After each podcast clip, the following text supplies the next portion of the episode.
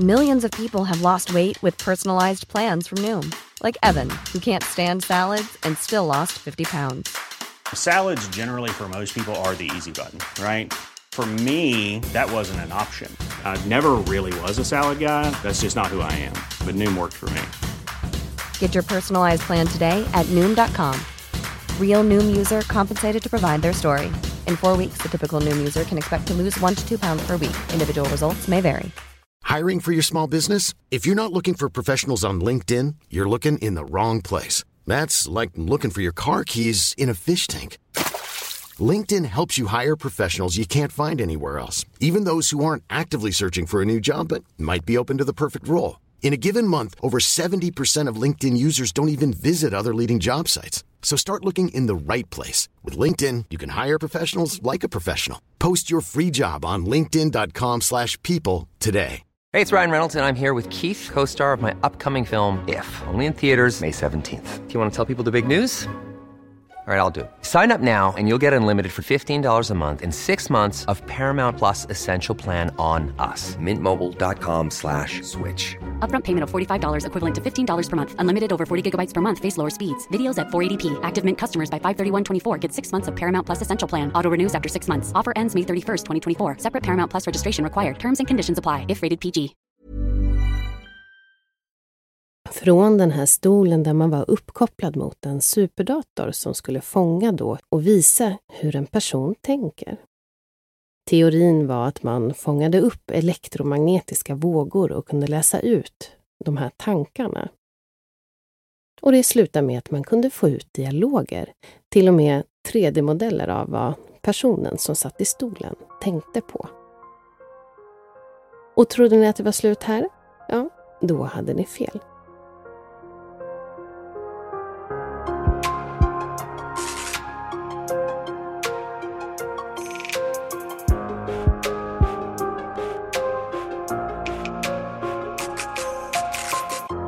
Välkomna tillbaka till Söndagsmysteriet avsnitt 11. Mm. Vad är din strumpa? Men gud, här är den.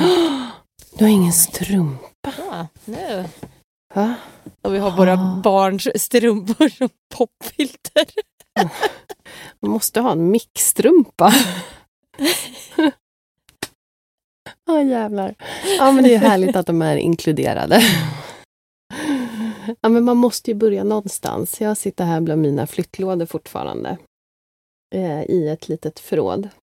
Ja, det, jag sitter kvar i min lilla garderob här. Så mysigt. Jag har ju sagt det, jag vet inte hur många gånger vi har sagt att vi ska försöka hitta bättre platser och byta, men det, det händer inte så mycket. Nej, det, på den sidan är vi inte så jävla handlingskraftiga kan man Nej. inte påstå. Och varje gång vi har spelat in också så är vi både skitstel i kroppen. Bara, aj, åh, nej, fan. Mm. Och nu börjar det bli jävla kallt här också. Vi har så här drag ut. Ja, kallförråd. Vad härligt. Ja, så, så kan det vara. Men vad kul att vi sitter här igen ändå i, vår, i våra skrubbar. Ja, precis. Mm. Och det här är första avsnittet nu efter eh, Halloween-månaden och ska göra ett annat typ av avsnitt den här gången. Mm, ja, men det har jag verkligen sett fram emot. Det har varit mycket spökavsnitt nu. Ja, jag hade också verkligen sett fram emot det här avsnittet tills jag började läsa om det och kände att det var, Overload.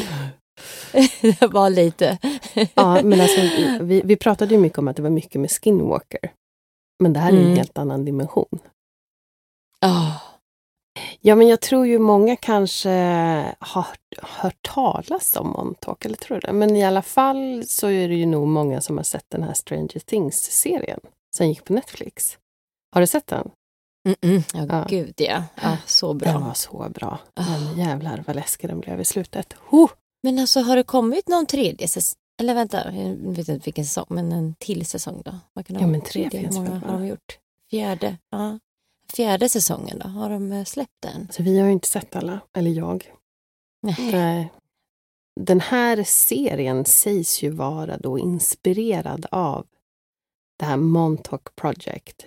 För det såldes ju tydligen in då, som egentligen hade det ju en titel, Montauk, Mm. i början. Innan det, de fick ju, blev ju tvungna att ändra namnet på den här serien. Mm. Precis. Lite intressant. Väldigt intressant. Mm. Och det var det här som gjorde eh, oss ganska intresserade av just det här ämnet för att vi båda ändå tyckte om Stranger Things så Mm. himla mycket. Men eh, ja, jag vet inte, om man kanske ska man varna lite innan att eh, det kommer att spåra lite i det här avsnittet.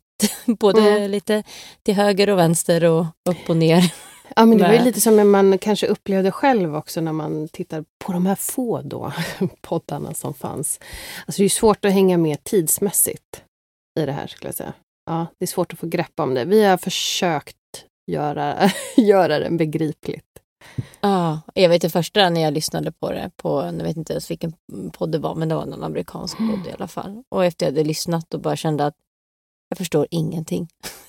Alltså verkligen Nu ingenting. kör vi. Alltså, jag fick lyssna på så många gånger innan jag liksom kunde, okej vänta nu här. Ja, så att jag hoppas att vi eh, har lyckats eh, göra det här någonstans lite förståeligt, eller säger man? Det tror vi. Men eh, vi kanske också ska börja med att säga Fan vad roligt det var att det var så många som röstade också på ett extra julavsnitt Ja, Ja. jättekul! på ämne. Jag trodde jag faktiskt inte. Nej, det trodde inte jag heller. Så att, eh, ja, eh, applåder till er Mm. där ute Ja. som lyssnar och engagerar er, för det är ju riktigt jäkla kul. Ja, det behöver vi. Ja, när vi sitter här i våra skrubbar. Jag orkar kämpa vidare. Nej men det var skitkul verkligen. Det var, eh, vi vet, eh, det är kul att se vad ni, eh, eh, ja, men vad ni tycker eh, är spännande för avsnitt. För det Mm. hjälper ju oss också att kunna göra en alltså, roligare och bättre podd tillsammans med er. Exakt. Så att vi har ju två avsnitt nu på ordinarie höstsäsong.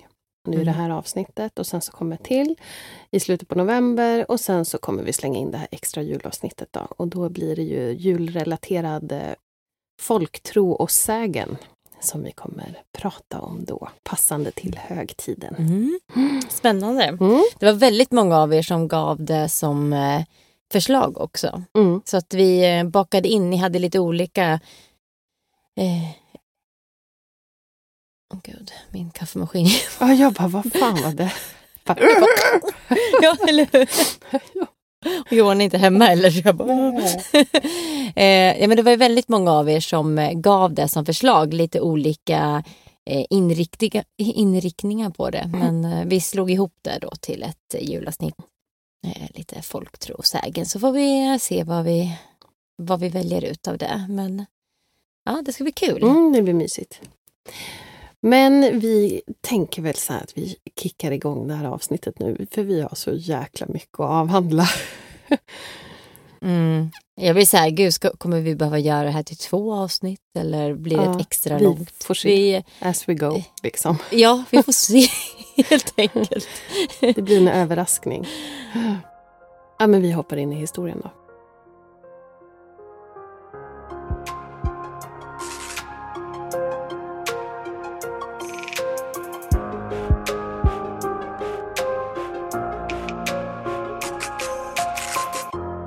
Men som vi sa så tror jag att det är ganska många kanske som faktiskt har hört ordet eller namnet Montauk Project. Men kanske som jag vet inte så mycket om det. Och även om det här täcker in det mesta, alltså tidresor, teleportering, tankekontroll och inte minst kontakt med utomjordingar. Men trots allt det, och det faktum att det faktiskt också då hade den här serien Stranger Things som gjorde succé, så är det faktiskt relativt få som har hört talas om händelserna bakom The Montauk Project. Så det är det vi kommer berätta om idag. Och för att börja den här historien så behöver vi först ta oss vidare österut till USA. Camp Hero är östkustens Area 51. Ett äldre, inte lika känt och kanske lite tråkigare ställe. En gång hem till en armébas under andra världskriget och en flygvapenstation under det kalla kriget. Och den avvecklades 1981 och ägs nu av Statens parksystem. Och det här ligger på 755 hektar tjocka skogar, ödsliga våtmarker och spektakulära 360 graders vyer över Atlanten. Den här basen byggdes 1942 med syfte att försvara mot tyska ubåtar under andra världskriget. Armén designade basen för att se ut som en fiskeby, även om soldater faktiskt bodde här. Men det här var ju enbart för att lura nazisterna. Så de hade ju till exempel en kyrka som var som ett gym för alla officerare på plats. 1947 så började kalla kriget och man började oroa sig för Ryssland. Därav så installerade flygvapnet en antenn som fortfarande sitter där idag. Den är över 12 meter bred, väger 70 till 90 ton, sitter ovanpå en 25 meter hög betongbunker och är del av deras kustförsvar mot bombflygplan. Det här är en av världens mest kraftfulla radartorn. Den här kunde sända radiosignaler på en 200 400 MHz räckvidd. Och det ska tydligen vara tillräckligt för att penetrera en människas medvetande just för tankekontroll. Den här basen ska ha hela 12 våningar under mark, men det är ingenting man kan bekräfta. Datorerna på den här tiden de var ju enorma och var placerade i den här bunkern under radarn. Flygvapnets station var inofficiellt aktivt till och med 1969. För federala register visar sedan att det inte finns någon legitim finansieringskälla för att hålla den här basen i drift. Men ändå så visar återfunna flygvapendokument och många vittnen bekräftar obestridligen om att stationen har varit aktiv långt efter det.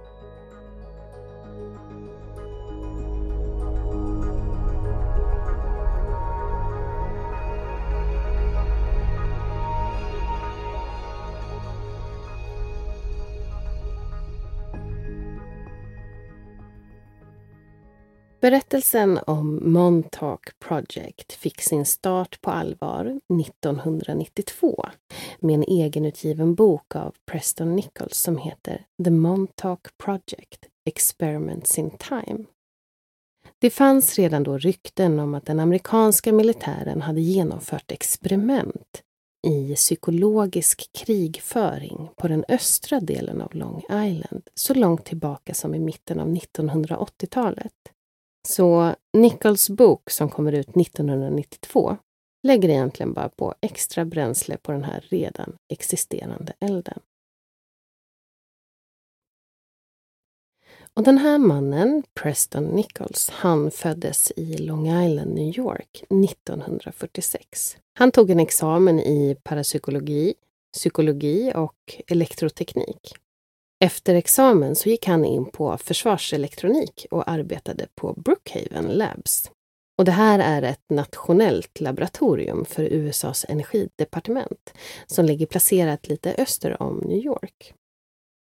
1971 börjar Nichols jobba för en försvarsentreprenör ute på Long Island ungefär två timmar från Montauk.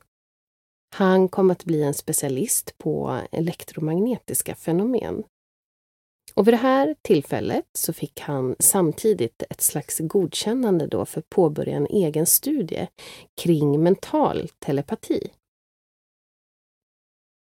I den här extra forskningen då som han gjorde så kom han att upptäcka en våg som han namngav telepatisk våg. Han lyckades alltså upptäcka en helt ny elektromagnetisk funktion som man inte tidigare hittat. Och den här telepatiska förmågan, den faktiskt fungerar. Telepatiska vågor är väldigt lika radiovågor. Men hur som helst blir han ju han uppslukad i det här projektet och känner att men det här ska han ta vidare. Så han tar hjälp av en, en del självutnämnda då synska eller mediala personer för att fortsätta det här experimentet. Han går inte in på detalj då på hur de här experimenten genomförs, men det handlar om att man ska monitorera de här personerna under en session och se deras svar.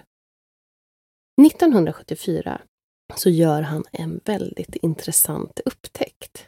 Och det här handlar om att han ser att de här mediala personerna blir störda i deras sinne. Han eh, funderar och undrar vad det kan vara som gör att de blir helt stilla. Det är, de är fortfarande vid medvetandet, men de kan inte riktigt tänka effektivt. Så de tappar sina eh, vad ska man säga, synska eller mediala funktioner. Och han upptäckte då att vid exakt samma tidpunkt varje dag så dök det upp en högfrekvensig radiovåg som han då drog slutsatsen att det var den som störde de här personerna i experimentet. För så snart den här radiovågen försvann så började deras förmåga att öppnas upp igen. Preston, han bestämde ju sig för att ta reda på var den här radiofrekvensen kom ifrån. För det var ingenstans ifrån hans eget labb eller det området där Brookhaven Labs låg. Så han drog på en massa radioutrustning på sin bil och gav sig ut och letade efter källan. Han kör längs kusten och låter den här radiofrekvensen då guida honom rätt och till slut så kommer han då till Montauk Point.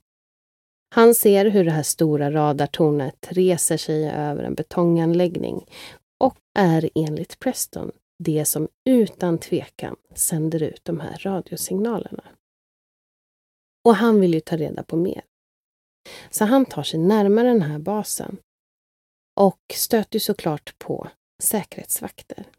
Men han försöker ta reda på vad, om de vet och har några svar på vad den här antennen används för. Men han får bara till svar att det används av FAA, USAs Federal Aviation Administration, som ansvarar för alla civila flyg. Vilket då gör Preston ganska fundersam. I och med att den här gamla radarn sitter på en gammal militärbas och varför skulle då civila flyg behöva använda en sån? Hur som helst så tog det stopp här för eh, Preston och han tog sig därifrån med tanken att han aldrig kommer få något mer svar kring den här radiofrekvensen som störde personerna i hans experiment. Så han eh, fortsatte med sin forskning och inte förrän tio år senare så ska det öppna sig nya möjligheter i den här utredningen kring radiofrekvensen.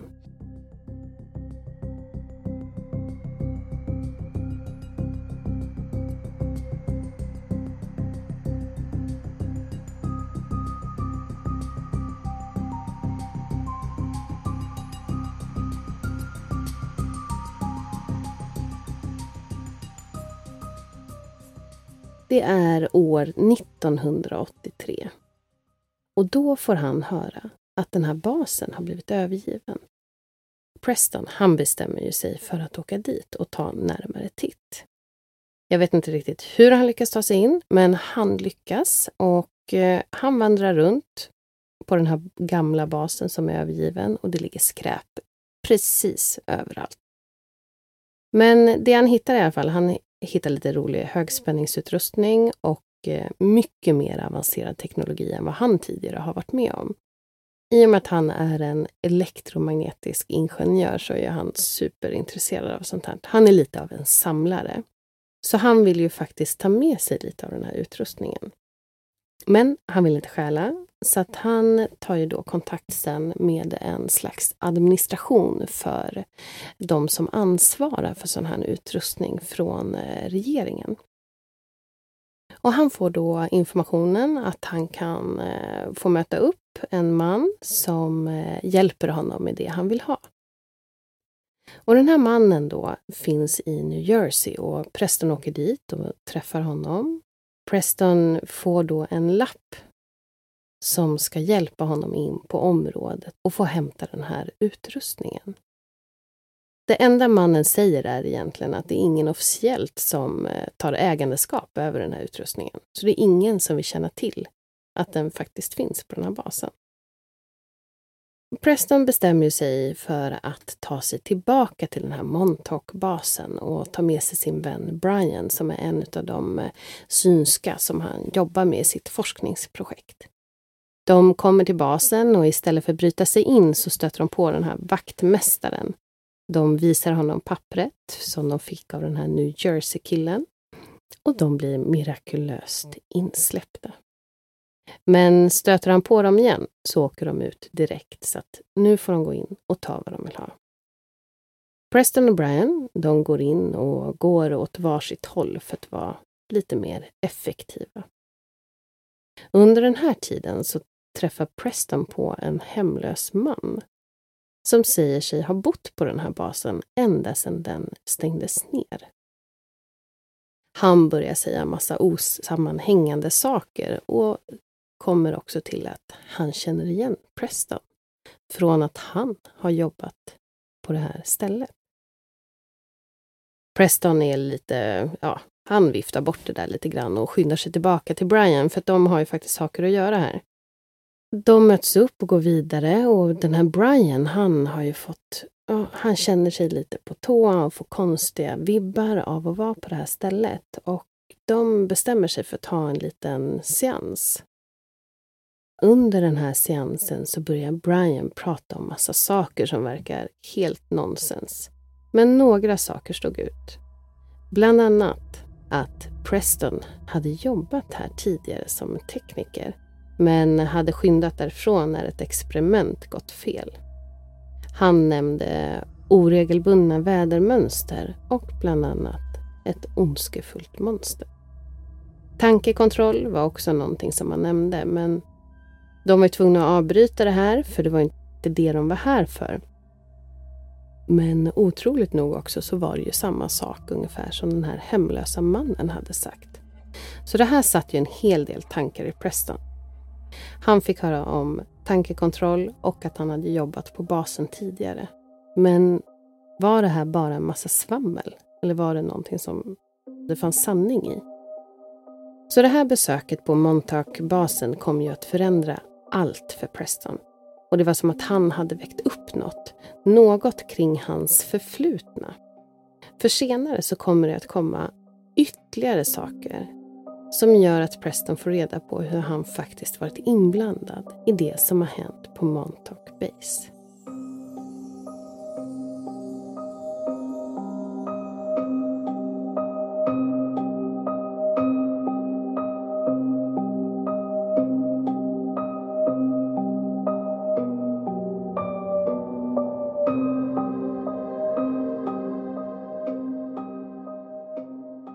Så en dag kommer en komplett främling hem till honom. Han dyker upp från ingenstans i hans hemmalabb och börjar prata om hur de jobbat tillsammans på basen.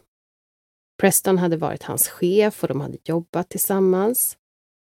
Och han nämnde en hel del tekniska saker om Montauk-projektet. Vilket enligt Preston borde varit helt omöjligt och det skulle betyda att någon gång under de senaste 13 åren medan han jobbade som ingenjör och utförde sin telepatiska forskning så skulle han samtidigt då ha levt ett annat liv och gjort andra saker i jobbet som han absolut inte har några minnen av. Så det är mycket som inte går ihop. Och 1984 bestämmer sig alltså Preston för att utreda det här vidare. Det är alltså alldeles för mycket konstiga saker som pekar på att det har hänt skumma saker på det här stället och att han har varit inblandad.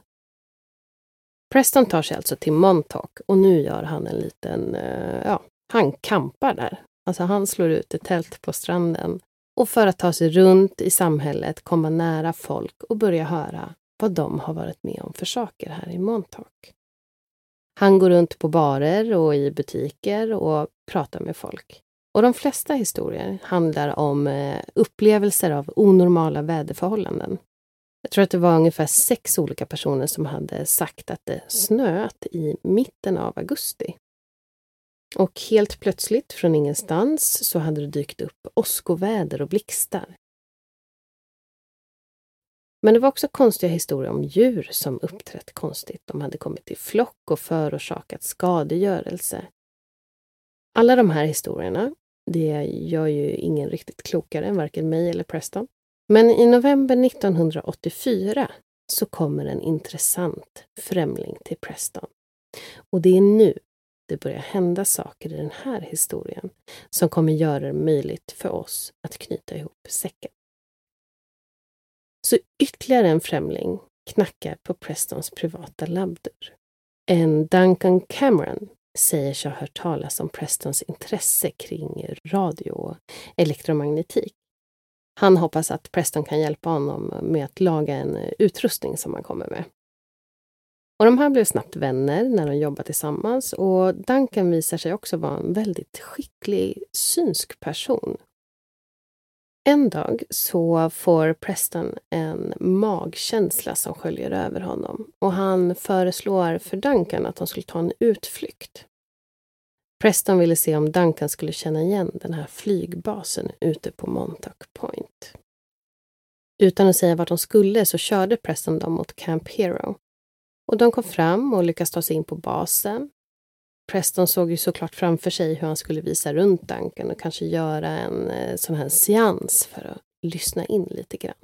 Men Duncan, han har varit här förut. Det är ett som är säkert. Han verkar känna till alla byggnader och syftet med dem, vart han skulle gå. Han visar till och med en anslagstavla där man brukar sätta upp information. Han kunde berätta vad man hade använt de här olika byggnaderna till och vad hans egen roll hade varit på den här platsen. Men han hade ju själv ingen aning om hur han visste allt det här. Så de går vidare in i ett rum som de senare kommer kalla The Transmitter Room och Duncan går plötsligt in som i en djup trans och börjar rabbla en massa saker. Han rabblar saker om basen och det kom fram massor av ny information som Preston inte hört förut. Och han fick skaka liv i Duncan för att han skulle komma ur den här transen. När de senare kom hem så hade de själva en seans med lite nya tekniker som eh, Preston hade lärt sig genom åren i sin forskning. Och det var ju för att försöka låsa upp Duncans minne för att han verkade sitta på en massa information. Och det gjorde han. Det kom fram information kring Montauk-projektet och ganska chockerande information. Han hade blivit programmerad att söka upp Preston, bli vän med honom och sen döda honom och förstöra Prestons labb. Men direkt så svor ju Duncan på att det, det här är ju ingenting han känner till och, eller vill hjälpa till med. Och han vill absolut ta avstånd från de som programmerat honom. Han börjar få tillbaka sina egna minnen och sina upplevelser här på basen och han kommer ihåg hur han fick delta i experimentet djupt, djupt ner på Montauk Base. Han kommer ihåg att han var testobjekt för något riktigt, riktigt obehagligt experiment långt ner på basen. Preston, han tror ju på Duncan. Och de fortsätter besöka Montauk för att gräva vidare. Tills de inser att de förmodligen har kommit över information kring ett av landets mest högsäkerhetsklassade projekten som man har känt till.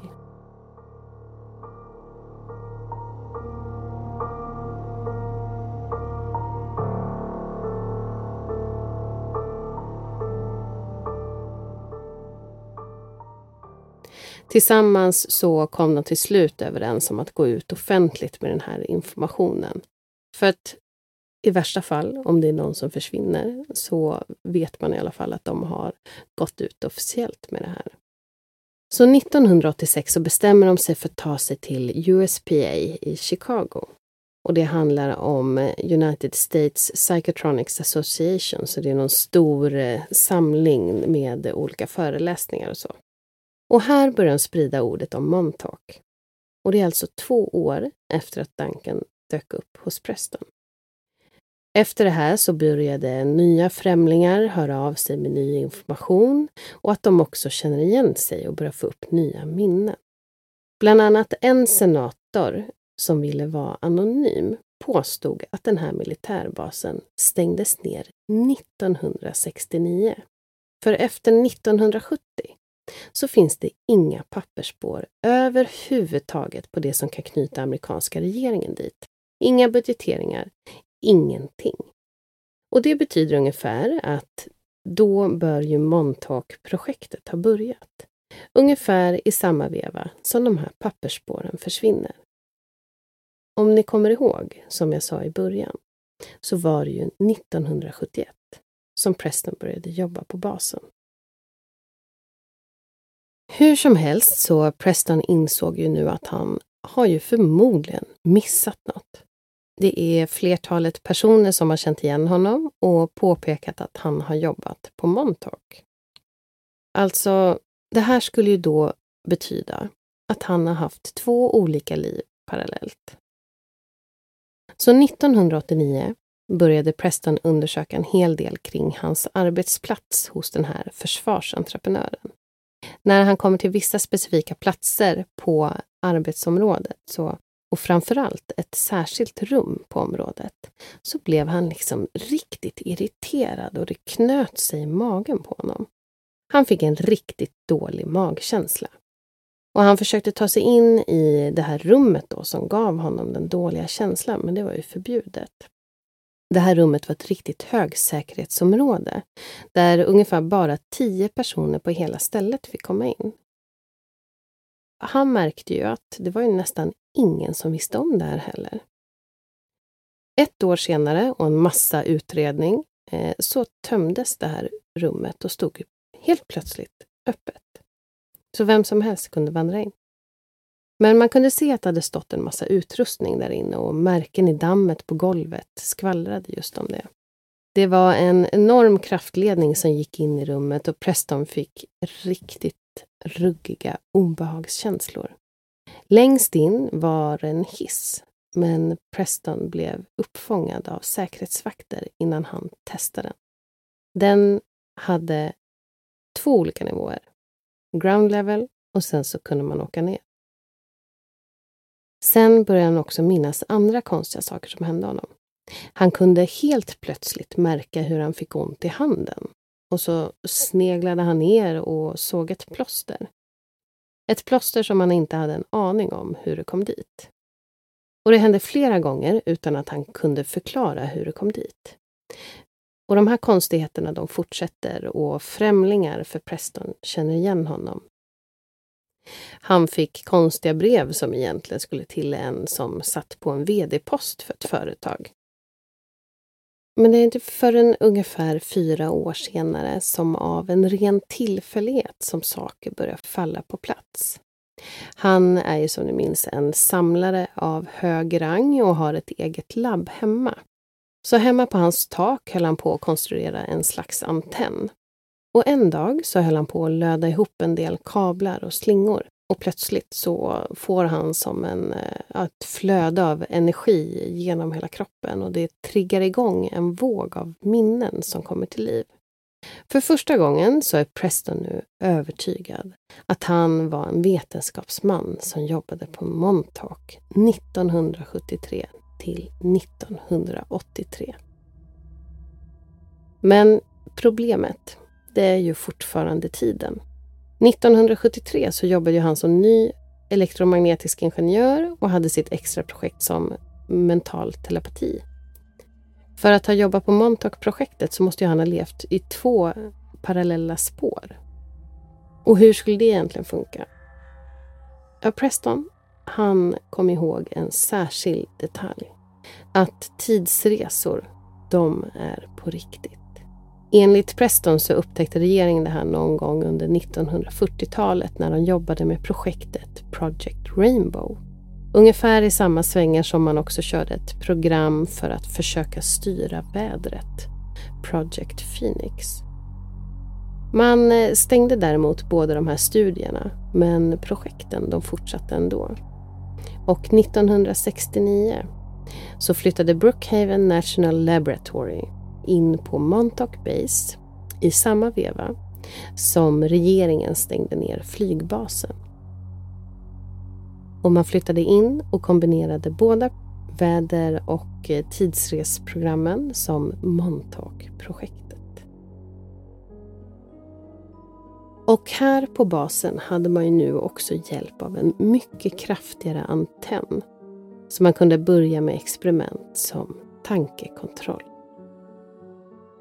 De här experimenten utfördes med vad som kallas the Montauk Share.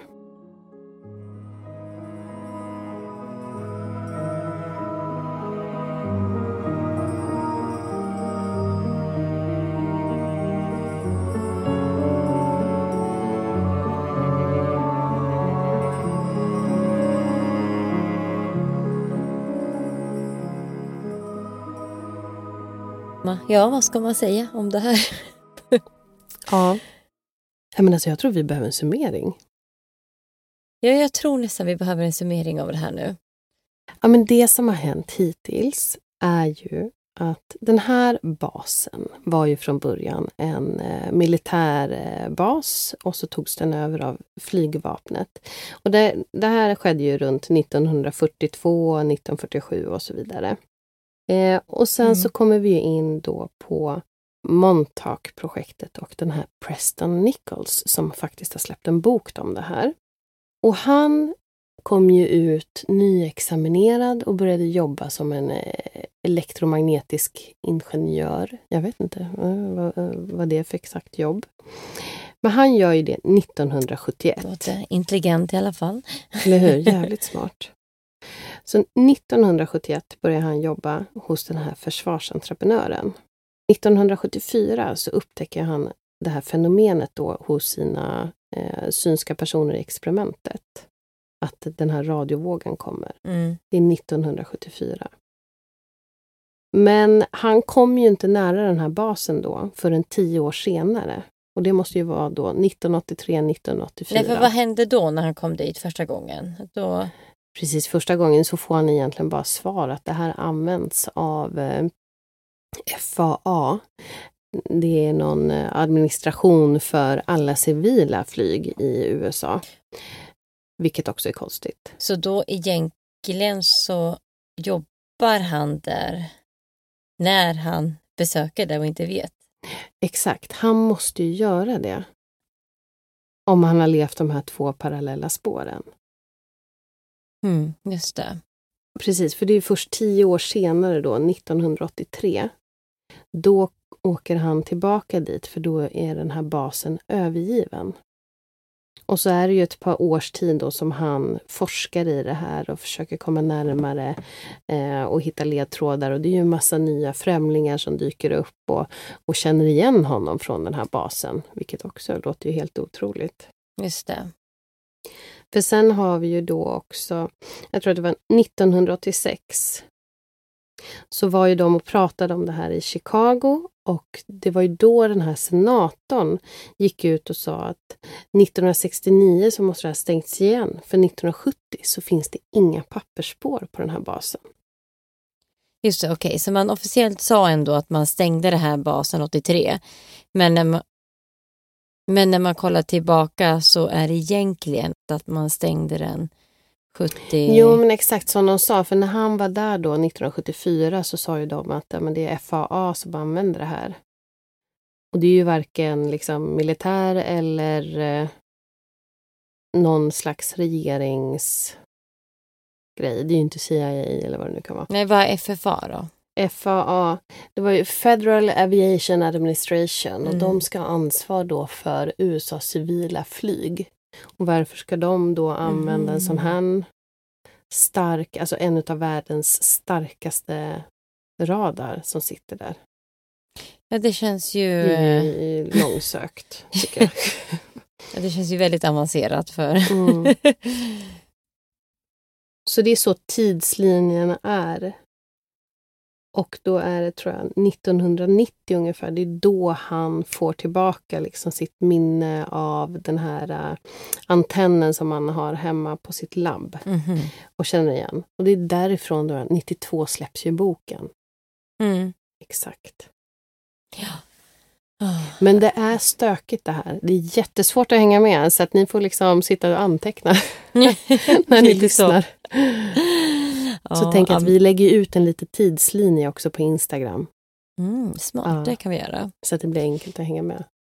Men eh, kan du tänka lite paniken för stackaren Nichols då som eh, när, det, när det kommer massa personer till honom och berättar Mm. om ett liv som han har som han inte har ett endaste minne av. Tänk dig själv om någon Ah, hade kommit till dig och bara Nej men Mia, jag minns ju att du eh, jobbar i den Ja. här glassbutiken. Oh, glass. Åh, trevligt. Åh. Nej, usch. Nej, det måste ju verkligen vara en hemsk känsla. Ja. Men frågan är, för han verkar så himla... Jag vet inte, jag har ju läst en del utdrag från hans bok. Mm. Och han verkar på något sätt, du vet... kanske inte så förvånad. Och det Mhm. kanske har att göra med också att han är utbildad och forskat i det han har gjort. Alltså en annan hade ju liksom smält Ja. av och trott att gud, börjar jag bli liksom eh, schizofren? Eller vad är det som frågan om? Liksom? Ja, det kanske inte är vem som helst som eh, fick bli anställd på det här projektet då. Nej. Ja, det verkar ju onekligen så. Mm. Ja, men har vi lite mer koll på tidslinjen så att vi kan liksom ta oss vidare i historien, tror du? Mm. Det kanske. kanske. Ja, för jag tänker så här. För att förstå den här eh, berättelsen lite mer så ska vi prata om eh, ett helt annat projekt som också senare kommer få sina kopplingar till Montauk.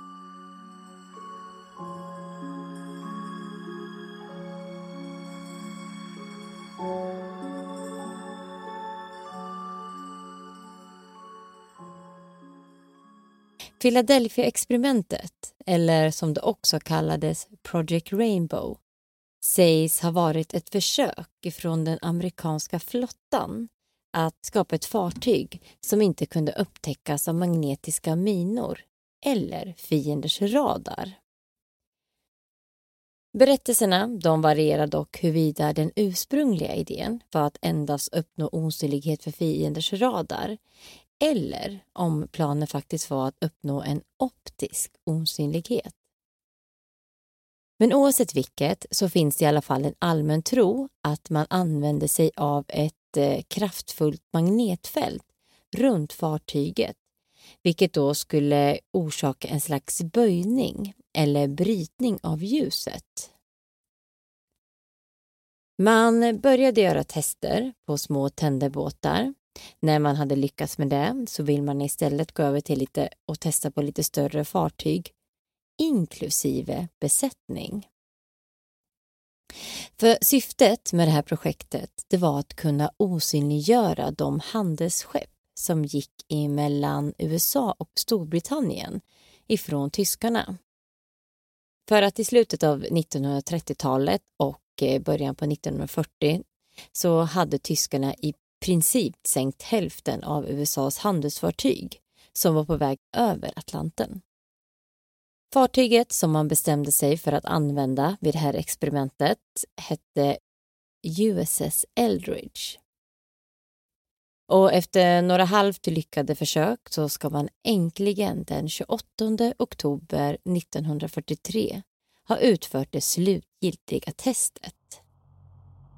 Man ska då ha slagit på generatorerna och ett massivt elektromagnetiskt fält ska ha byggts upp. Det vittnades om att en slags grön dimma skulle ha omslutit fartyget.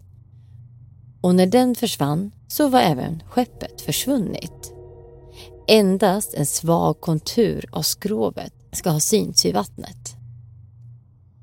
På marken så jublade ju såklart officer och forskare över resultatet för man hade ju alltså lyckats osynliggöra ett stort skepp med besättning. Men så händer det något. Det är någonting som går väldigt fel. En bländande blå blick ska ha uppenbarat sig och skeppet, det försvann helt. Det dyker upp igen några sekunder senare, men den här gången hundratals kilometer bort i Norfolk, Virginia. En besättning på fartyget SS Andres Furset som då alltså skulle befunnit sig i Norfolk vittnar om att de såg USS Eldridge dyka upp alldeles framför sig. Men också hur det bara några minuter senare mystiskt försvann igen. Fartyget ska då åter ha dykt upp i Philadelphia Naval Yard. Forskarna och officerarna drog väl här förmodligen en lättnadssuck för att okej, okay, fartyget var ju åtminstone tillbaka igen. Men den här lättnadens suck, den skulle inte vara länge. För när man går på Eldridge för att ta hand om besättningen så möts man av en rent ut sagt fruktansvärd och bisarr syn. Flera av sjömännen hade sammansmälts med metallen i skeppets struktur. Många av sjömännen de saknades också och av de få som hade överlevt händelsen de blev ju aldrig detsamma igen. Så alltså det som började som ett experiment i elektronisk kamouflage slutade i en oavsiktlig teleportering av ett helt fartyg.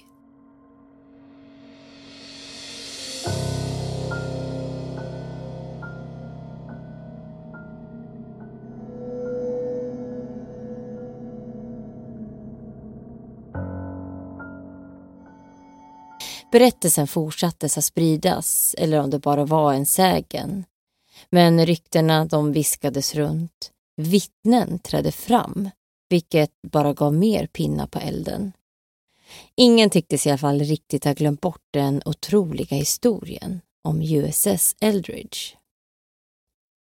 Flera år senare, närmare bestämt 1984, så gjorde man också en film om hela händelsen. En film som fick namnet The Philadelphia Experiment. Det sägs att USAs regering försökte stoppa filmen och förbjöd den att visas på bio. Om det ligger någon sanning i det här, det kan jag inte svara på, men de som tror sig veta tror att det här berodde på att man inte ville trigga fram minnen hos de män som faktiskt var med om självaste upplevelsen. För det var just det som hände en man vid namn Al Bilek. Al Bilek föddes 1927. Han ska ha varit en väldigt intelligent man. Han kallades till exempel vid ung ålder för den levande uppslagsboken. Han utbildade sig till elektroingenjör, vilket han också jobbade som, bland annat inom militären. 1988 så såg han alltså filmen Philadelphia Experiment och upplevde efteråt en stark déjà vu-känsla. Han kunde inte släppa det här och för att få lite mer klarhet i det så bestämde han sig för att ta hjälp av hypnos och andra alternativa metoder. Det här resulterade i att han började minnas mer och mer tydligt hur han hade varit en del av besättningen på USS Eldridge när han var 27 år gammal. Ni som är snabbtänkta i matte kanske tänker nu att nej men vänta lite här, det där går ju inte ihop. Du sa ju att Al var född 1927 och det där med Philadelphia-experimentet det utspelades ju 1943. Så han skulle alltså varit 16 år och inte 27. Nej, för det är just här som det blir lite knepigt. För att förutom att Al minns att han var en del av Philadelphia-experimentet så minns han också att hans egentliga identitet är Ed Cameron. Ja, det här kanske verkar lite förvirrande, men häng med här för det här är bara början. Jag kommer kanske blanda lite namn här med Al och Ed, men det är alltså samma person. Det är bara det att Al är den personen han är vid berättandet och Ed är den personen han minns att han var. Så Al minns alltså att han egentligen heter Ed Cameron och är född den 4 augusti 1916 i Bay Shore Long Island. Han studerade på Princeton 1932 och avslutade sedan 1939 sin utbildning med en doktorsexamen i fysik på Harvard University. Här så träffar han en doktor von Neumann. Ed hade också en bror som hette Duncan.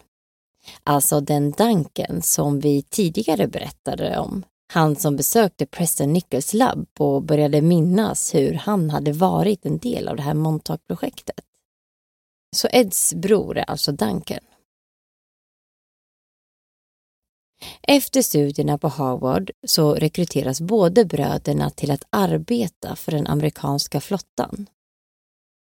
Det var här som Dr. von Neumann ska ha anlitat dem för att arbeta i ett topphemligt projekt som innefattade att utveckla visuell och radarosynlighet för krigsfartyg. Men innan de började i projektet så var Ed och Duncan tvungna att lära om sin fysik. Dr John von Neumann han lärde de två bröderna om gravitation, tid och kvantfysik, hur det verkligen fungerade.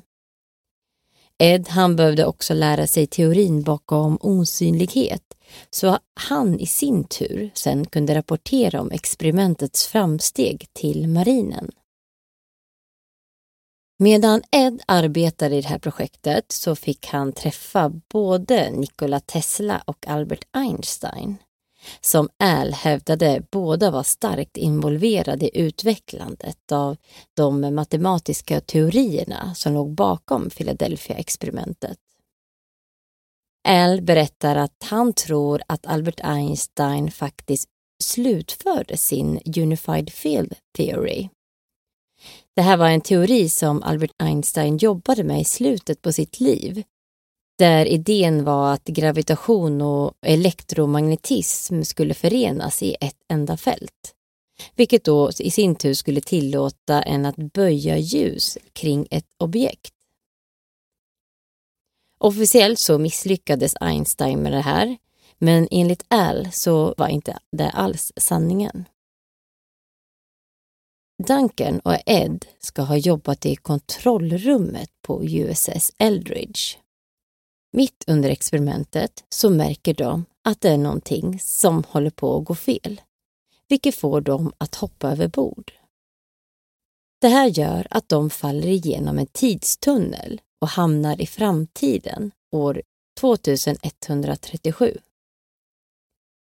Här hamnar de på ett sjukhus i ungefär en månad eftersom eh, de båda bröderna är rätt dåliga efter att ha vistats i vad man kallar för hyperrymden. Under tiden på sjukhuset så får de berättat för sig att det är mycket som har hänt i, i världen sedan andra världskriget. USA var i princip oigenkännligt. Västkusten och sydost ska ha varit helt nedsänkt under vattnet och till exempel var Florida helt borta. Av någon märklig anledning så hamnar Al återigen i en tidsresa och hamnar nu istället i år 2749. Den här gången så vaknar han också upp på ett sjukhus. Men istället för att vara omringad av läkare så kan han bara se avancerad kirurgisk teknik runt om sig.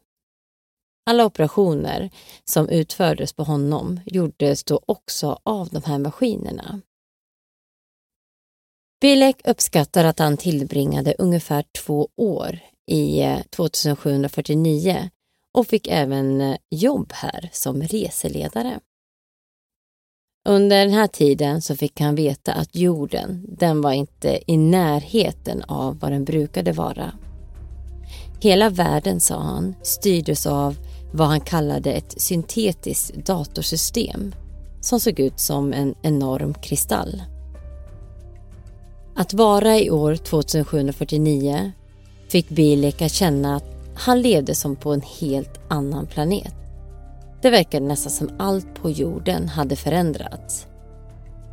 Det fanns också endast 300 miljoner människor på jorden av de 7,7 miljarder som finns idag.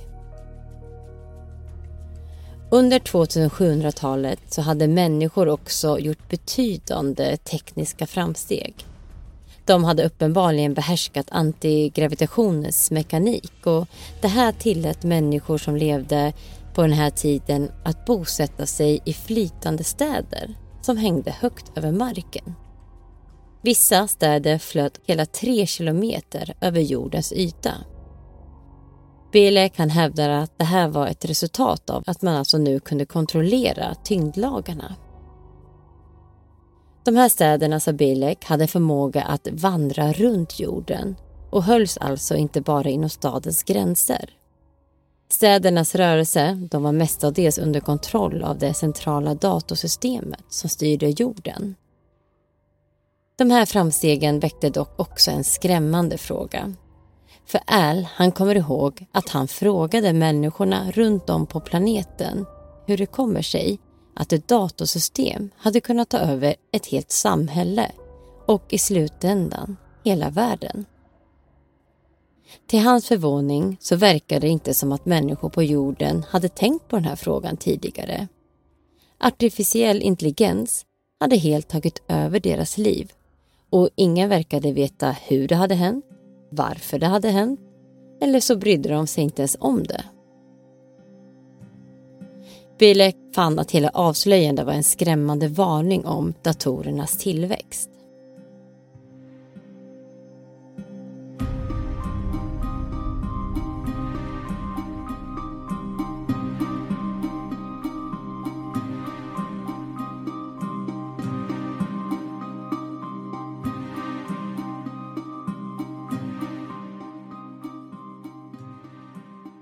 Men så återigen så hamnar Al i en tidstunnel tillsammans med Duncan.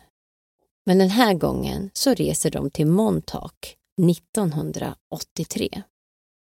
Väl i Montauk så möts de av Dr. John von Neumann, alltså han som Ed redan hade stött på vid sin utbildning på Harvard och han som rekryterade bröderna till det topphemliga projektet. John von Neumann berättar för Duncan och Ed att han hade väntat på att de här männen skulle dyka upp. Men sa även till att de måste återvända till 1943 för att stänga av generatorerna och avsluta experimentet som utfördes på Eldridge. Både Duncan och Edward gick med på det här och eh, åkte tillbaka till 1943. Ombord igen på Eldridge så lyckas de stänga av generatorerna, främst genom att krossa sändaren och klippa av alla kablar de kunde se. Precis innan Eldridge skulle återvända till Philadelphia Naval Yard. Alltså kom ihåg nu, nu är vi tillbaka i historien. När man gör det här experimentet. Alltså den här gröna dimman har omslutit fartyget. Skeppet har försvunnit, det har dykt upp i Norfolk, Virginia och nu alltså är på väg tillbaka till Philadelphia Naval Yard.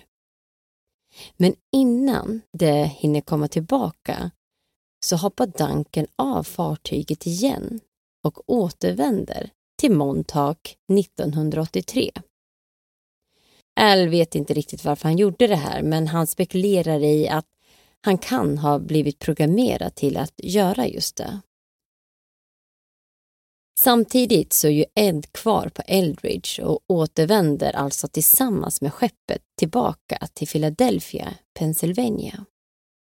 1944 så överförs Ed till Los Alamos National Laboratory för att hjälpa till i ett atombombsprojekt. Väl i Los Alamos så fick Ed tillgång till hemliga filer och fick via dem reda på att tidsresor redan av misstag upptäcktes 1936 nära Bermudatriangeln av ett marinfartyg. Tydligen ska det här skeppet ha försvunnit och dykt upp igen två månader senare. Men håll i er nu, för nu blir det lite krångligt. Ed blir 1953 anklagad för spionage vilket gör att man skickar honom till Montauk. Här använder man sig av någon slags åldersregressionsteknik som man kan använda för att alternera tidlåset hos en människa. Det här ska vara en teknik som Nikola Tesla ska ha arbetat med. Och Tesla ska ha beskrivit det som att om tidlåset för en människa flyttas fram så kan det här göra att människan blir yngre. Så man ska alltså använda det här för att göra Ed till ett spädbarn igen. Han ska då sedan ha ersatt en Al Bilek som skulle ha dött som nyfödd. Man ska då ha hjärntvättat den riktiga Al Bileks föräldrar så att de trodde att deras barn hade levt hela tiden. Ja, på så sätt blev alltså Ed Al Bilek. Okej, så vi har alltså Al som ser en film om Philadelphia-projektet. Han minns att han har levt ett liv som en Ed Cameron som var med på USS Eldridge. Ed ska då tillsammans med sin bror Duncan ha hoppat av Eldridge när de märker att experimentet håller på att gå fel. De hamnar då i en tidstunnel och åker till framtiden och sen till Montauk 1983. Där så blir de beordrade att åka tillbaka till 1943 och stänga av Philadelphia-experimentet. De åker tillbaka till 1943 men eh, här hoppar Duncan av fartyget igen och återvänder till 1983 medan Ed då är kvar i 1943. Ed ska senare blivit anklagad för spioneri, utsatt för åldersregression vilket gör honom till ett spädbarn igen och blir då placerad hos mamma och pappa Bilek där han växer upp som en Al Bilek. Han utbildar sig till en elektroingenjör och får jobb inom det yrket och arbetar bland annat inom militären. Men när Al ser filmen om Philadelphia-projektet så minns han inte bara att han var en i besättningen på USS Eldridge utan han minns även att han arbetade på Montauk-projektet. Han mindes hur han arbetade sitt vanliga jobb i Kalifornien och tog sedan tunnelbanan till Montauk Lock Island för att utföra sina arbetsuppgifter där. Efter att tidstunneln var fulländad, vilket vi kommer till senare, så kunde han enkelt teleporteras till den underjordiska basen och återvända tillbaka till sin lägenhet.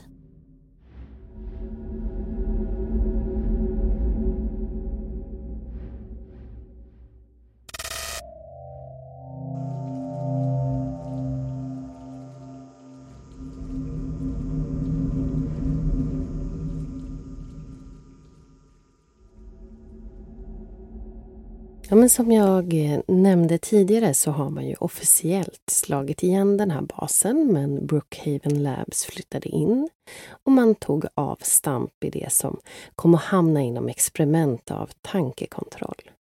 Och just med tanke på den nya radarn man hade nu på basen så skulle den användas i experimentet. Den här användes då och riktades egentligen neråt mot en del av byggnaden där man tänkte att det här är ett rum där vi kan använda för det här. Här nere fanns det ett skyddat rum med en stol och först så började de då att sätta en person i den här stolen, vilken oftast var Duncan Cameron. Och när han väl satt i stolen så satte man igång hela maskineriet och styrde radarn i olika frekvenser och olika vidder av pulser mot den här sändaren. De provade alltså allt utan hejd. De ville se vad som hände när den här personen då satt i stolen och bombarderades av ja, men x antal radiofrekvens, pulser och så vidare. Och till slut då så får de ju såklart utfall på alla de här experimenten. Det var förändringar som fick en person att skratta eller gråta, sova, bli upprörd, vilket kanske var lite för intressant just för de här forskarna. För de vill ju bara ha mer och mer. Bland annat så vill de ju se om de kunde träna och förändra hjärnvågor hos människan. Och det gjorde man då helt enkelt genom att styra den här hastigheten och antal repetitioner på den här pulsen av radarn.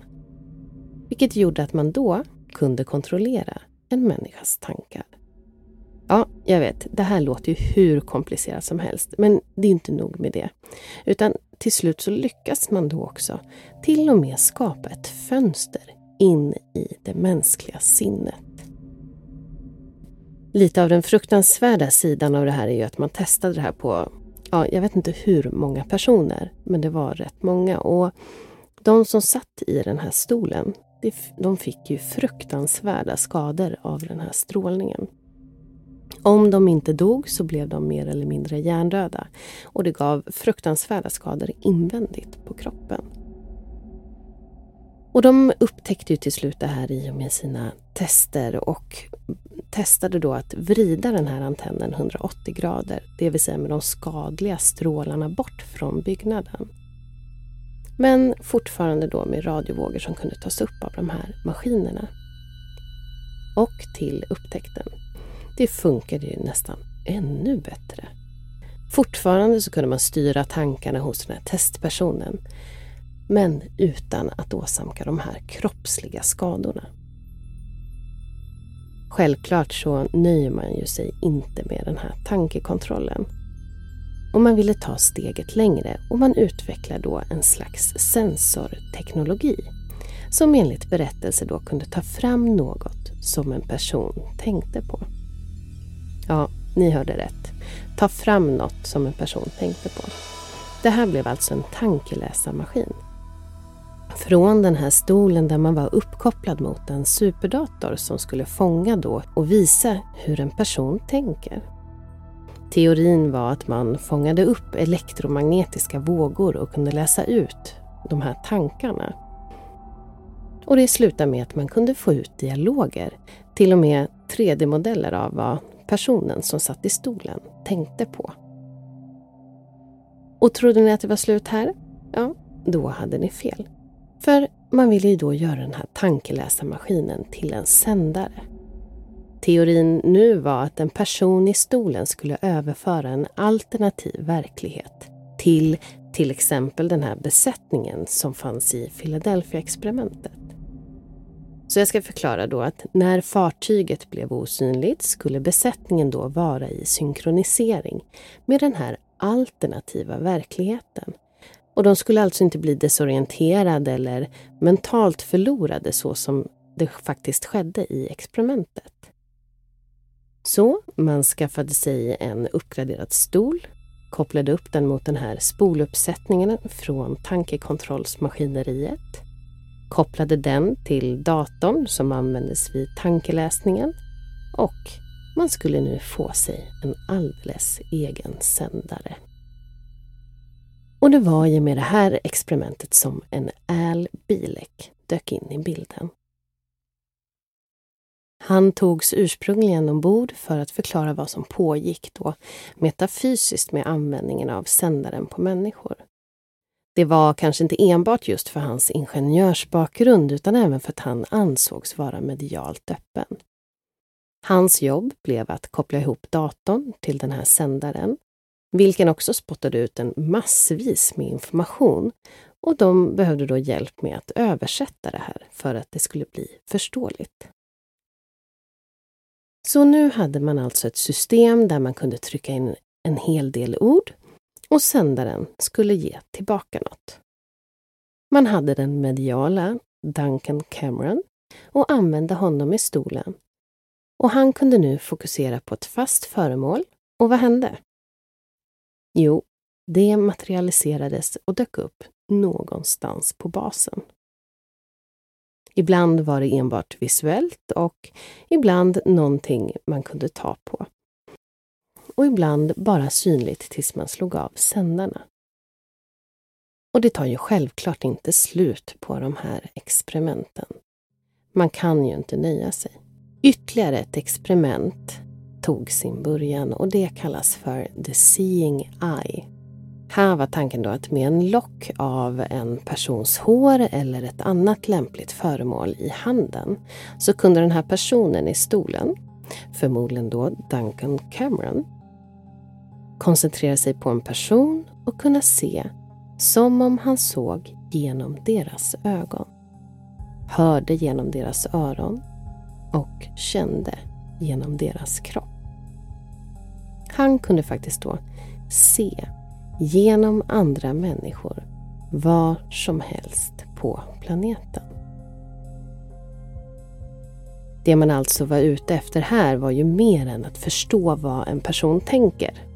Man ville lyckas med att kontrollera vad en människa tänker. Och de provade om de kunde plantera tankar hos andra människor genom Duncan och den här Montauk-sändaren Och de kom ju fram till att de här forskarna kunde ladda in information, program, order in i en persons tankar. Och det ledde ju i sin tur till att en person kunde bli styrd till att göra något som de vanligtvis inte skulle eller brukar. Hur som helst så ledde ju alla de här experimenten som de bollade med fram och tillbaka. Olika program, sändare, antenner och med hjälp av den mediala förmågan hos Duncan till att slutligen så hade man lyckats öppna upp en tidsportal. Man kunde alltså vandra rakt från 1980 till 1990.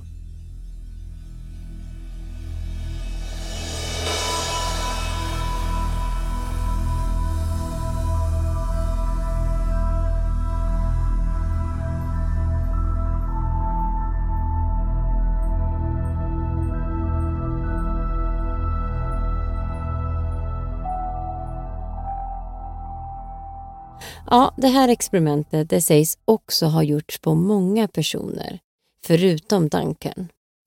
Mestadels hemlösa människor och föräldralösa barn ska alltså ha blivit kidnappade och använda som testpersoner. Speciellt barn som sades ha någon slags medial förmåga sattes i stolen för att utveckla och förstärka den här förmågan. Det har kommit till vittnen som har berättat hur de blev tagna ifrån sitt, deras hus och utsatta för det här experimentet. Enligt Nichols så utsatte man också vissa av de här barnen och hemlösa för en stark elektromagnetisk strålning.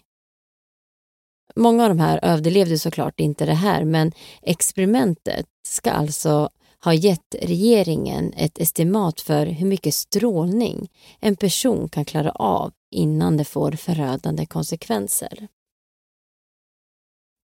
Al Bilek hade vid Montauk ett inflytande vid ett program som kallades för Montauk Boys-programmet.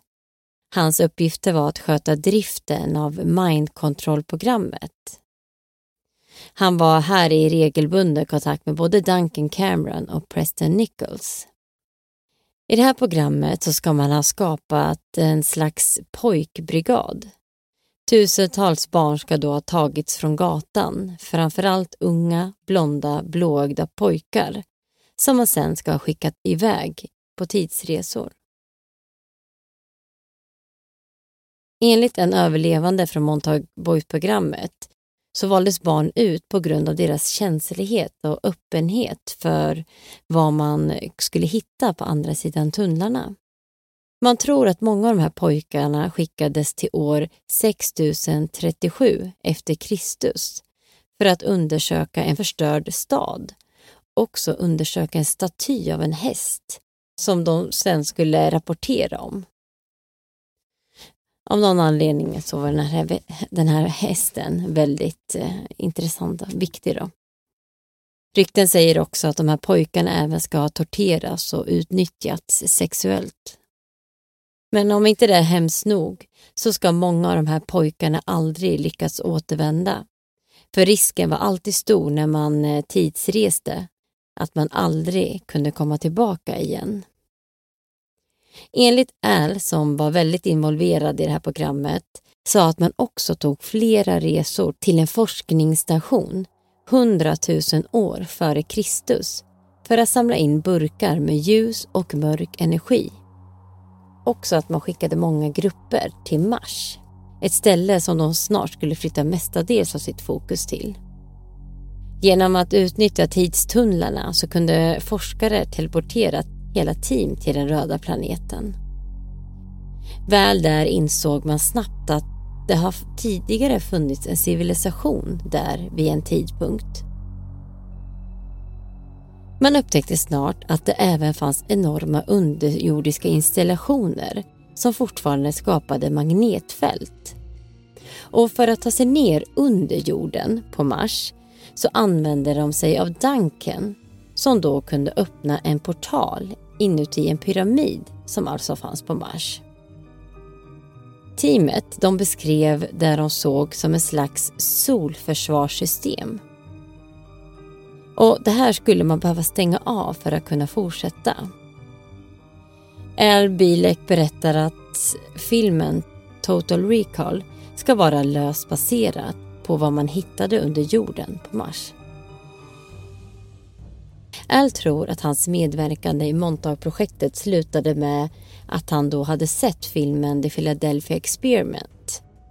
Och efter det så hjärntvättade de honom från alla minnen om att jobba på projektet på Montauk. Han tror att han heller inte har blivit skadad eller stoppad eftersom hans tidsresor har låst in honom i den här tidslinjen.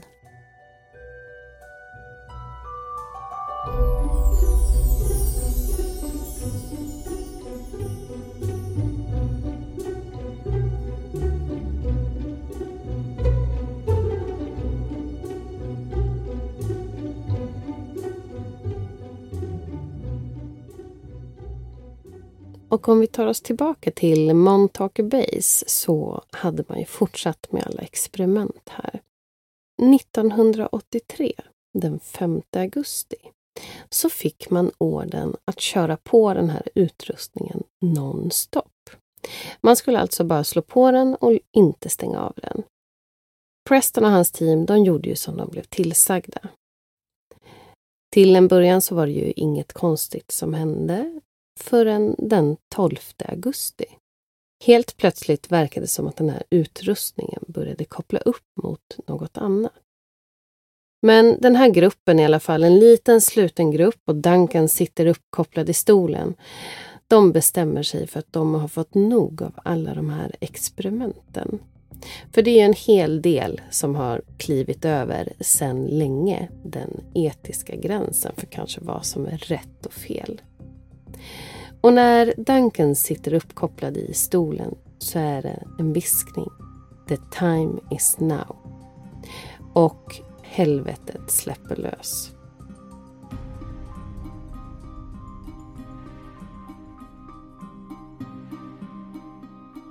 Han har såklart då tänkt på ett monster i sitt undermedvetna. Och det här monstret dyker ju upp på Montauk-basen. Den tar åt sig allt den kommer över. Den åt upp allt den kom åt, slog sönder allt i sin väg. Det var vittnesmål om att den här var till och med över 10 meter lång och var hårig och mörk och bara rent utav ondskefull. Och det var inte riktigt vad de hade tänkt sig när de ville egentligen sätta in en slags protest för de här experimenten. Så nu försöker de lite panikaktigt stänga av de här maskinerna men det hjälper inte. Det här monstret fortsätter gå bärsärk uppe på basen. Preston hackar sig vidare i alla kablar han hittar och till slut så lyckas han stänga portalen. Och det här monstret, det försvinner från basen. Tiden går och ledare av Montauk-projektet letar ju såklart reda på alla anställda och sägs ha antingen utplånat deras minnen eller bara hjärntvättat dem till att hålla tyst. I Prestons fall så verkar det ju som att han har fått sitt minne raderat. Så efter den 12 augusti 1983 så överges basen och vid slutet av året så ska ingen ha funnits kvar. På försommaren 1984 så ska man ha skickat in ett team för att skjuta ner allting som rörde sig och ta hem utrustning som ansågs känslig för att vara kvar. All sorts topphemlig utrustning ville man kamma hem. Sen så enligt också vittnesmål hos de som bor runt om i Montauk såg en hel karavan av cementblandare åka in för att täppa igen basen.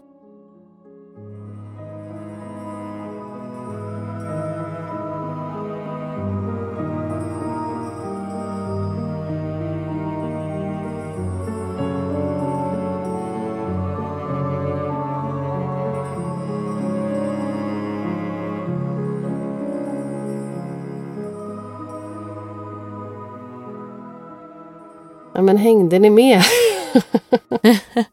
det gjorde ni säkert inte.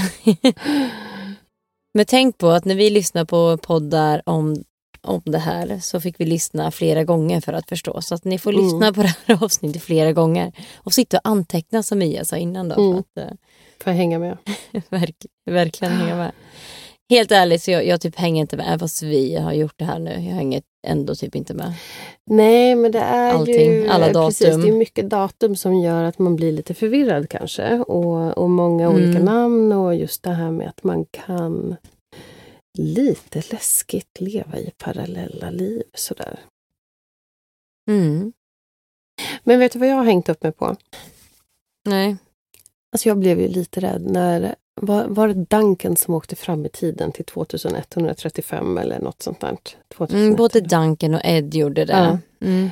När de hoppade av Eldridge Ja, så hamnade de i framtiden. exakt. Och säger då att världen har blivit övertagen av en dator och USAs Mm. öst och västkust ligger under vatten och Florida är helt borta. Mm. Ja, men det är ju inte orimligt.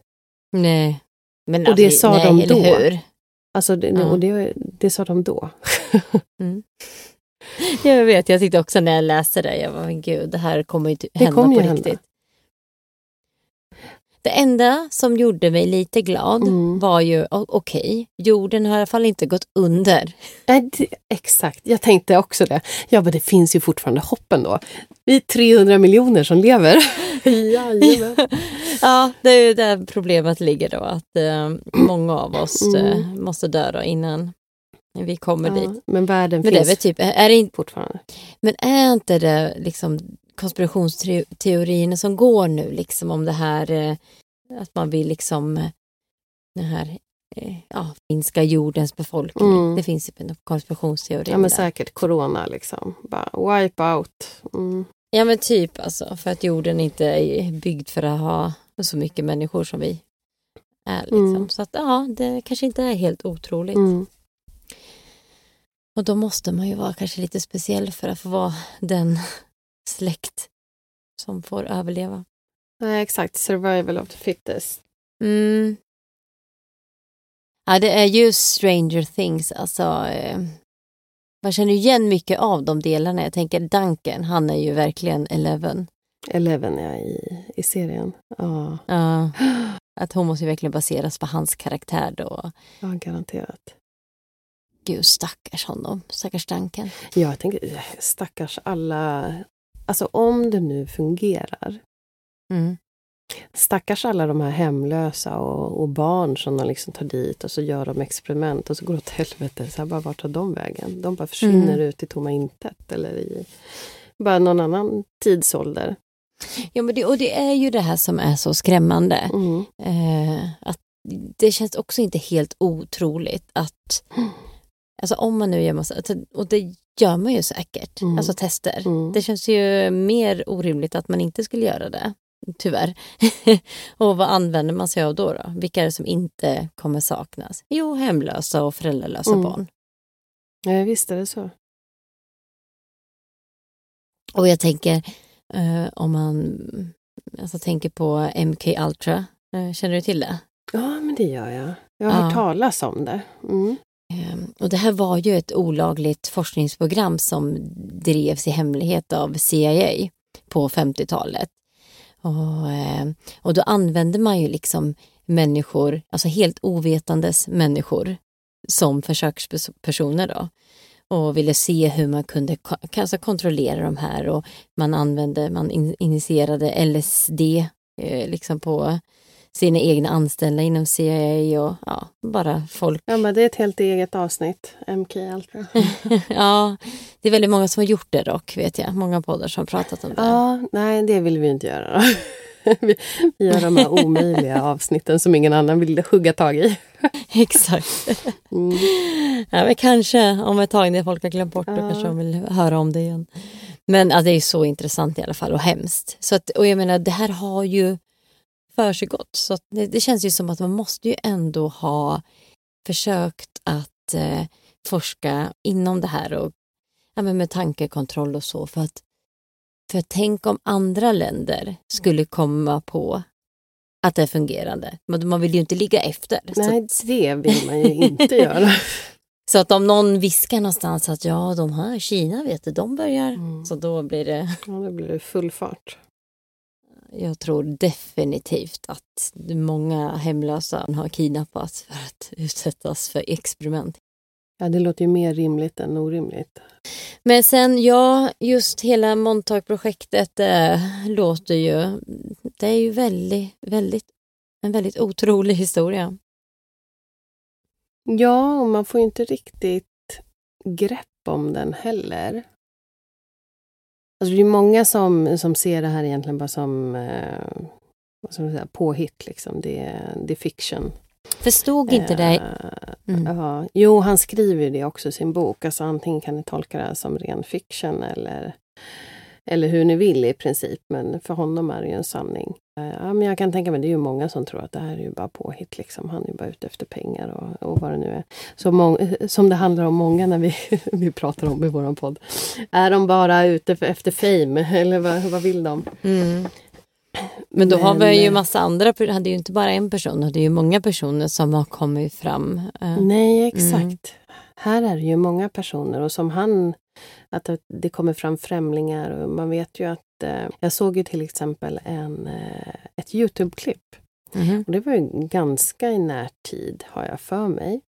Att då var det någon som jobbade som vakt på den här parken just nu då, när det är en sån State Park.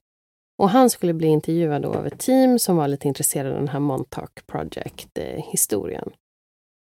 Och de skulle ju åka dit oskyldigt och prata med den här vakten då. Men då dyker hans chef upp och lite andra eh, snubbar som det verkar och försöker avstyra den här intervjun. Mm -hmm. Och att det här teamet får ju då inte prata med den här vakten. Och så blev ganska hotfulla. Det är ju också så här, ja men varför inte då? Det är bara en sån vanlig state park. Varför bryr ni er nu? Mm. Egentligen. Så att, eh, ja, jag tror att det finns mycket sånt skit. Det är någon, har ju hänt någonting där i alla fall. Mm. Ja, men det tror jag också. Sen exakt hur mycket som är, är sant kanske man får väl... Ja, men det, nu kommer vi återigen, alltså som jag sa med Skinwalker, alltså kan man tro på det här? För gör man det, då är ju hela då vet jag inte vad, vad man ska tro om världen. Liksom. Um, och för det var ju också alltså, så himla läskigt om man tänker på den här Montauk Share då. Och det här med the, the Seeing Eye-projektet, som de har, programmet som de hade. Att man då kunde gå in i personer alltså, och, och styra personer då utifrån. Alltså, om den här tekniken nu fungerar och om det finns då snubbar som, eller personer som kan göra det här. Hur läskigt är inte det då? Vilka... Nej, man kan ju inte försvara sig på något sätt då. Nej, och liksom vilka personer styr de då? Högt uppsatta... Alltså de kan ju styra hela världen med det här då, för de går in och gör beslut åt... Det kanske de gör utan att vi inte, vi inte vet om det. mm -hmm. Men vad tror du då? Mm. Ja, bra. bra fråga. Alltså jag, jag tror ju absolut att de har använt människor i experiment på den här basen. Men sen är det, det är just det här i vilken utsträckning. Har de verkligen gjort det möjligt att man kan liksom använda tankekontroll? Har de gjort det möjligt att man faktiskt kan då ja, skriva ut eller få fram objekt som de tänker på? Vissa saker låter ju ganska otroligt, men eh, de har ju definitivt utsatt människor i alla fall för både det ena och det andra och klivit över den där etiska linjen som, som vi nämnde förut. Men jag har svårt att säga exakt vad jag tror att de faktiskt har åstadkommit. Jag har ju däremot, alltså jag kan... Jag, jag, tror att jag är mer rädd kanske för att säga att det är möjligt att det finns två parallella spår i mitt liv. Förstår du? För det är ju bara skitjobbigt. Åh oh, gud, ja det är verkligen skitjobbigt. Ja, nej. Det... Och sådana här ja, men parallella dimensioner och allt vad det nu är. Och att man kan åka fram och tillbaka. Det känns ju skitjobbigt men ja. Nej, för det är ju också någon typ kittlande känsla. På ett sätt så skulle man ju vilja att det här var sant. För att det låter så himla bara häftigt att folk åker res i framtiden. Eller nej, jag sa tillbaka, klart man inte vill att det här ska vara sant för det skulle ju alltså innebära att jättemånga personer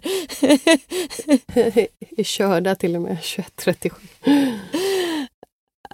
Ja, massa stackars pojkar som har blivit... Ja. eh, Nej, okej. Kanske inte den delen då, men just det här med tideresor då. Att skulle man ju... Ja, det finns ju någon liten spännande tanke med det. Ja, men jag håller med. Har en teori som inte är min egen utan jag hörde det här faktiskt från en podd. Men som du sa, att de trodde också att man eh, utförde liksom experiment på Montauk. Och eh, vissa personer kanske fick lite för mycket LSD insprutat i sig, vilket gjorde att man började få lite vanföreställningar om det ena och det andra. Typ Montauk Monster. Mm. Exakt. Och, eh, att man har varit i tidsresa och varit i, framtid, eh, varit i framtiden. Och, Mm. Ja, men så kan det ju definitivt också vara. Det skulle ju kunna vara en rimlig förklaring egentligen. De pum- pumpar i droger och, och hittar på både ditten och datten. Så att det hade ju för sig inte varit konstigt att folk börjar svamla om grejer då. Men det blir ju fortfarande, man kommer tillbaka till att det är ändå ganska många vittnen från olika håll så som, som säger saker som ändå hänger samman. Mm. Ja men det är det ju. Men sen kan man ju också, om nu tänker jag Preston gick ut med det här. Eh, Duncan känns lite oklar. Vem är han? Finns han ens? Eller är han också bara någon... Eh, Mm. jag vet inte vem, vart han är. Men, eh, nej, men då, då tänker jag att när de hör deras historia, de gått ut. Det kanske finns människor som tycker att det här låter ju väldigt spännande. Jag vill vara Jag vill vara med. jag vill vara med. Jag var också med. Så tänker jag Ja, kan kanske absolut en del av eh, de här vittnena som kom fram. För det är ju faktiskt flera, fler än vad vi har tagit upp här som har kommit ut. Och det finns Mm. historier bakom de här också. Men Mm. det här avsnittet blir ju redan typ tre timmar långt. Så att eh, vi var tvungna att begränsa Sorry. oss någonstans. Ja. Mm. Nej men det är så, och det tänker jag, det, det, så är det ju alltid i, i massa olika sådana här saker. Jag tänker folk hoppar på bara för att det blir lite så här one minute of fame liksom. Men eh, nej, jag köper ändå inte den hela vägen. Utan eh, Och sen så hittade de ju eh, ett annat Montauk-monster som man hittade som hade sköljts upp på en strand. Ja, vi kanske kan lägga ut en bild på det här på Instagram. Men eh, såg ju, det ser ju... Ja, det ser ju lite... den ser ju jätteäcklig ut med så här näbb och ja, jättekonstig. Jag har aldrig sett ett sånt djur förut. Ja men gud, kan du förklara hur det ser ut? Ja, men den, den har liksom som en, det, det, det som en klump. Ja, det är så klubb. typ en hudklump som ligger och som är fyra ben med typ, eh, jag vet inte, smala klor och så ser det lite så här storfjälligt ut på vissa håll och så en stor näbb fram till. Mm. Fast underkäken har typ tänder. Ja. Och så ser det nästan ut som så här, Ja. göra kyckling eh, bak det bak. Alltså så här, Ja, ser ut att eller hur? Ja, jättekonstig. Den spolades ju upp där. Mm. Och sen så var det ju fler personer som såg den och fotade och sådär. Och sen så hade den väl spolats tillbaka igen. Mm. Det var väl några eh, forskare som trodde att det här kunde vara en, eh, ja vad fan var det? Raccoon? Tvättbjörn. En tvättbjörn, ja. Mm. Men eh, ja, jag vet inte fan, alltså den, det känns så jäkla stor också. Just det, som att det blir så nerbruten på ett konstigt sätt. Men jag menar, tvättbjörnar har ju inga näbbar. Nej, Eller? det var fan en näbb Det var alltså. min första tanke. Ja, exakt. Nej, det här, jag tror det här, det här är ju någon, eh, något experiment att man har liksom eh, korsat flera olika djur för att eh, Ja. skapa något super, eh, superdjur. Ja. Något som har hamnat fel. Liksom, så tid. De har skickat in ett djur, en så här tidsresa, och kommer tillbaka helt eh, mashat. Liksom. Ja, men som de här sjömännen som liksom hade blivit insmältna åh, i, gud. i fartyget. Det låter ju också helt bisarrt. sjukt. Alltså djuret har par och också i framtiden har parat sig med ett, eh, något djur som existerar kommer tillbaka med, med sin avkomma. Merged. ja, härligt. Ja, kul experiment de har, har för sig där. Ja, men det här att åka till, eh, till andra planeter, Mars också. För det är också så intressant, för det finns ju också mycket konspirationer kring att eh, det har funnits faktiskt tidigare civilisationer på Mars. Att man typ har sett spår över att det har varit någon så här kärnvapen eh, där som har gjort typ att ja, nu då ska finnas under jorden. Och man har ju också sett typ så här bilder, har ju många tittat så från NASA Eh, där man, Mm. det, det ser ut som det finns pyramider och det är något ansikte på Mars och det ena och det andra. Så att, mm, vem vet, det kanske, Mm. kanske finns, har funnits liv där, eller finns, vem vet. Ja, men tror du inte det? Jag tror det har funnits liv på Mars. Alltså, känns lite så. Mm. Ja, jag tror också det. Ja, samma sak här. Det är någonting som alltså, kittlar Ja. med tanken att det har funnits det. Att man vill liksom att det, det ska ha funnits liv där bara för att ja, men, någonting kan vi väl få Mm. upptäcka, något häftigt liksom i, ändå ganska nära jorden. ja, eller hur? Men då skulle jag vilja se den här Total Recall. Har du sett den? Jag har inte sett den filmen. Jag tyckte man såg massa såna där... Det, det kändes som att det var en tid när det kom massa såna, såna filmer om, om, om rymden, eller hur? Det kanske var alla de här som hade eh, varit, de här unga pojkarna som hade rest dit och tidsrest. Och när de kom tillbaka och sen så blev de, gjorde de filmer om det, om det för de ville liksom eh, få ut sin, eh, Sina minnen alla, alla sina minnen de hade om om det. Ja. Ja, nej men eh, ja, det hade inget mer va gällande Al och Duncan. Och... Al Bilek. Okej, men det här med att Al Bilek, han var Ed Duncan. Eh, eller nej, okej. Han var Ed Cameron. Och Ed Cameron blev... Ja, han Ålders- blev, eh, hur, han blev ett spädbarn. Han blev ett spädbarn. Det, det för mig tycker jag, det, det låter ju jättekonstigt. Mm. Det kan man tycka. Jag tycker det låter helt naturligt. ja, vad härligt. Fast eh, ja, eh, det kanske händer jätteofta. Bara att du, du är glad att du inte vet om ditt förra liv. Och han hade otur att han började känna igen att gud, jag Ja, hört just det. Det kanske är så det är. Jag menar, vi kanske gör så hela tiden. Kanske därför man får så här konstiga déjà vu-känslor Mm. ibland och känner igen sig. Liksom innan och, vi dör ja. så blir vi egentligen ja, ja, spädbarn på nytt. på nytt. Gud. Ja. ja, men så Ja. måste det vara. Det, är- det är vad vi tror. Vad tror ni? vi lämnar den där. Lämna den. Mm. Den till er. Ja. Nej, men det, jag måste, det här täcker ju in det mesta i alla fall. Ett sånt här eh, Montauk eh, Project-avsnitt. Vad har vi inte fått höra idag? Jag undrar om vi har några lyssnare kvar som har lyssnat så här långt. För det här blir ganska långt avsnitt. Så att eh, de flesta nog redan eh, Ja, de tappade oss efter tio minuter. stängt av dem. och Vad fan är det här? Ja. Men då säger man så här. Titta på, på vår tidslinje på Instagram och anteckna medan ni lyssnar så går det mycket bättre andra gången ni lyssnar. Det hade ändå varit lite kul att höra om ni har tankar kring eh, Montauk-projektet och vad ni tror faktiskt har hänt där så kommer vi ha en liten dialog kring det på Instagram. Så eh, glöm inte att spana in där framöver. Och sen så kommer ju ett till höstavsnitt innan vi stänger våran kära höstsäsong. Och glider in sen på ett extra julavsnitt. Det låter toppen. Ja, ha det så bra. Tills dess så eh, hörs vi om två veckor igen. Det gör vi. Ha det bra.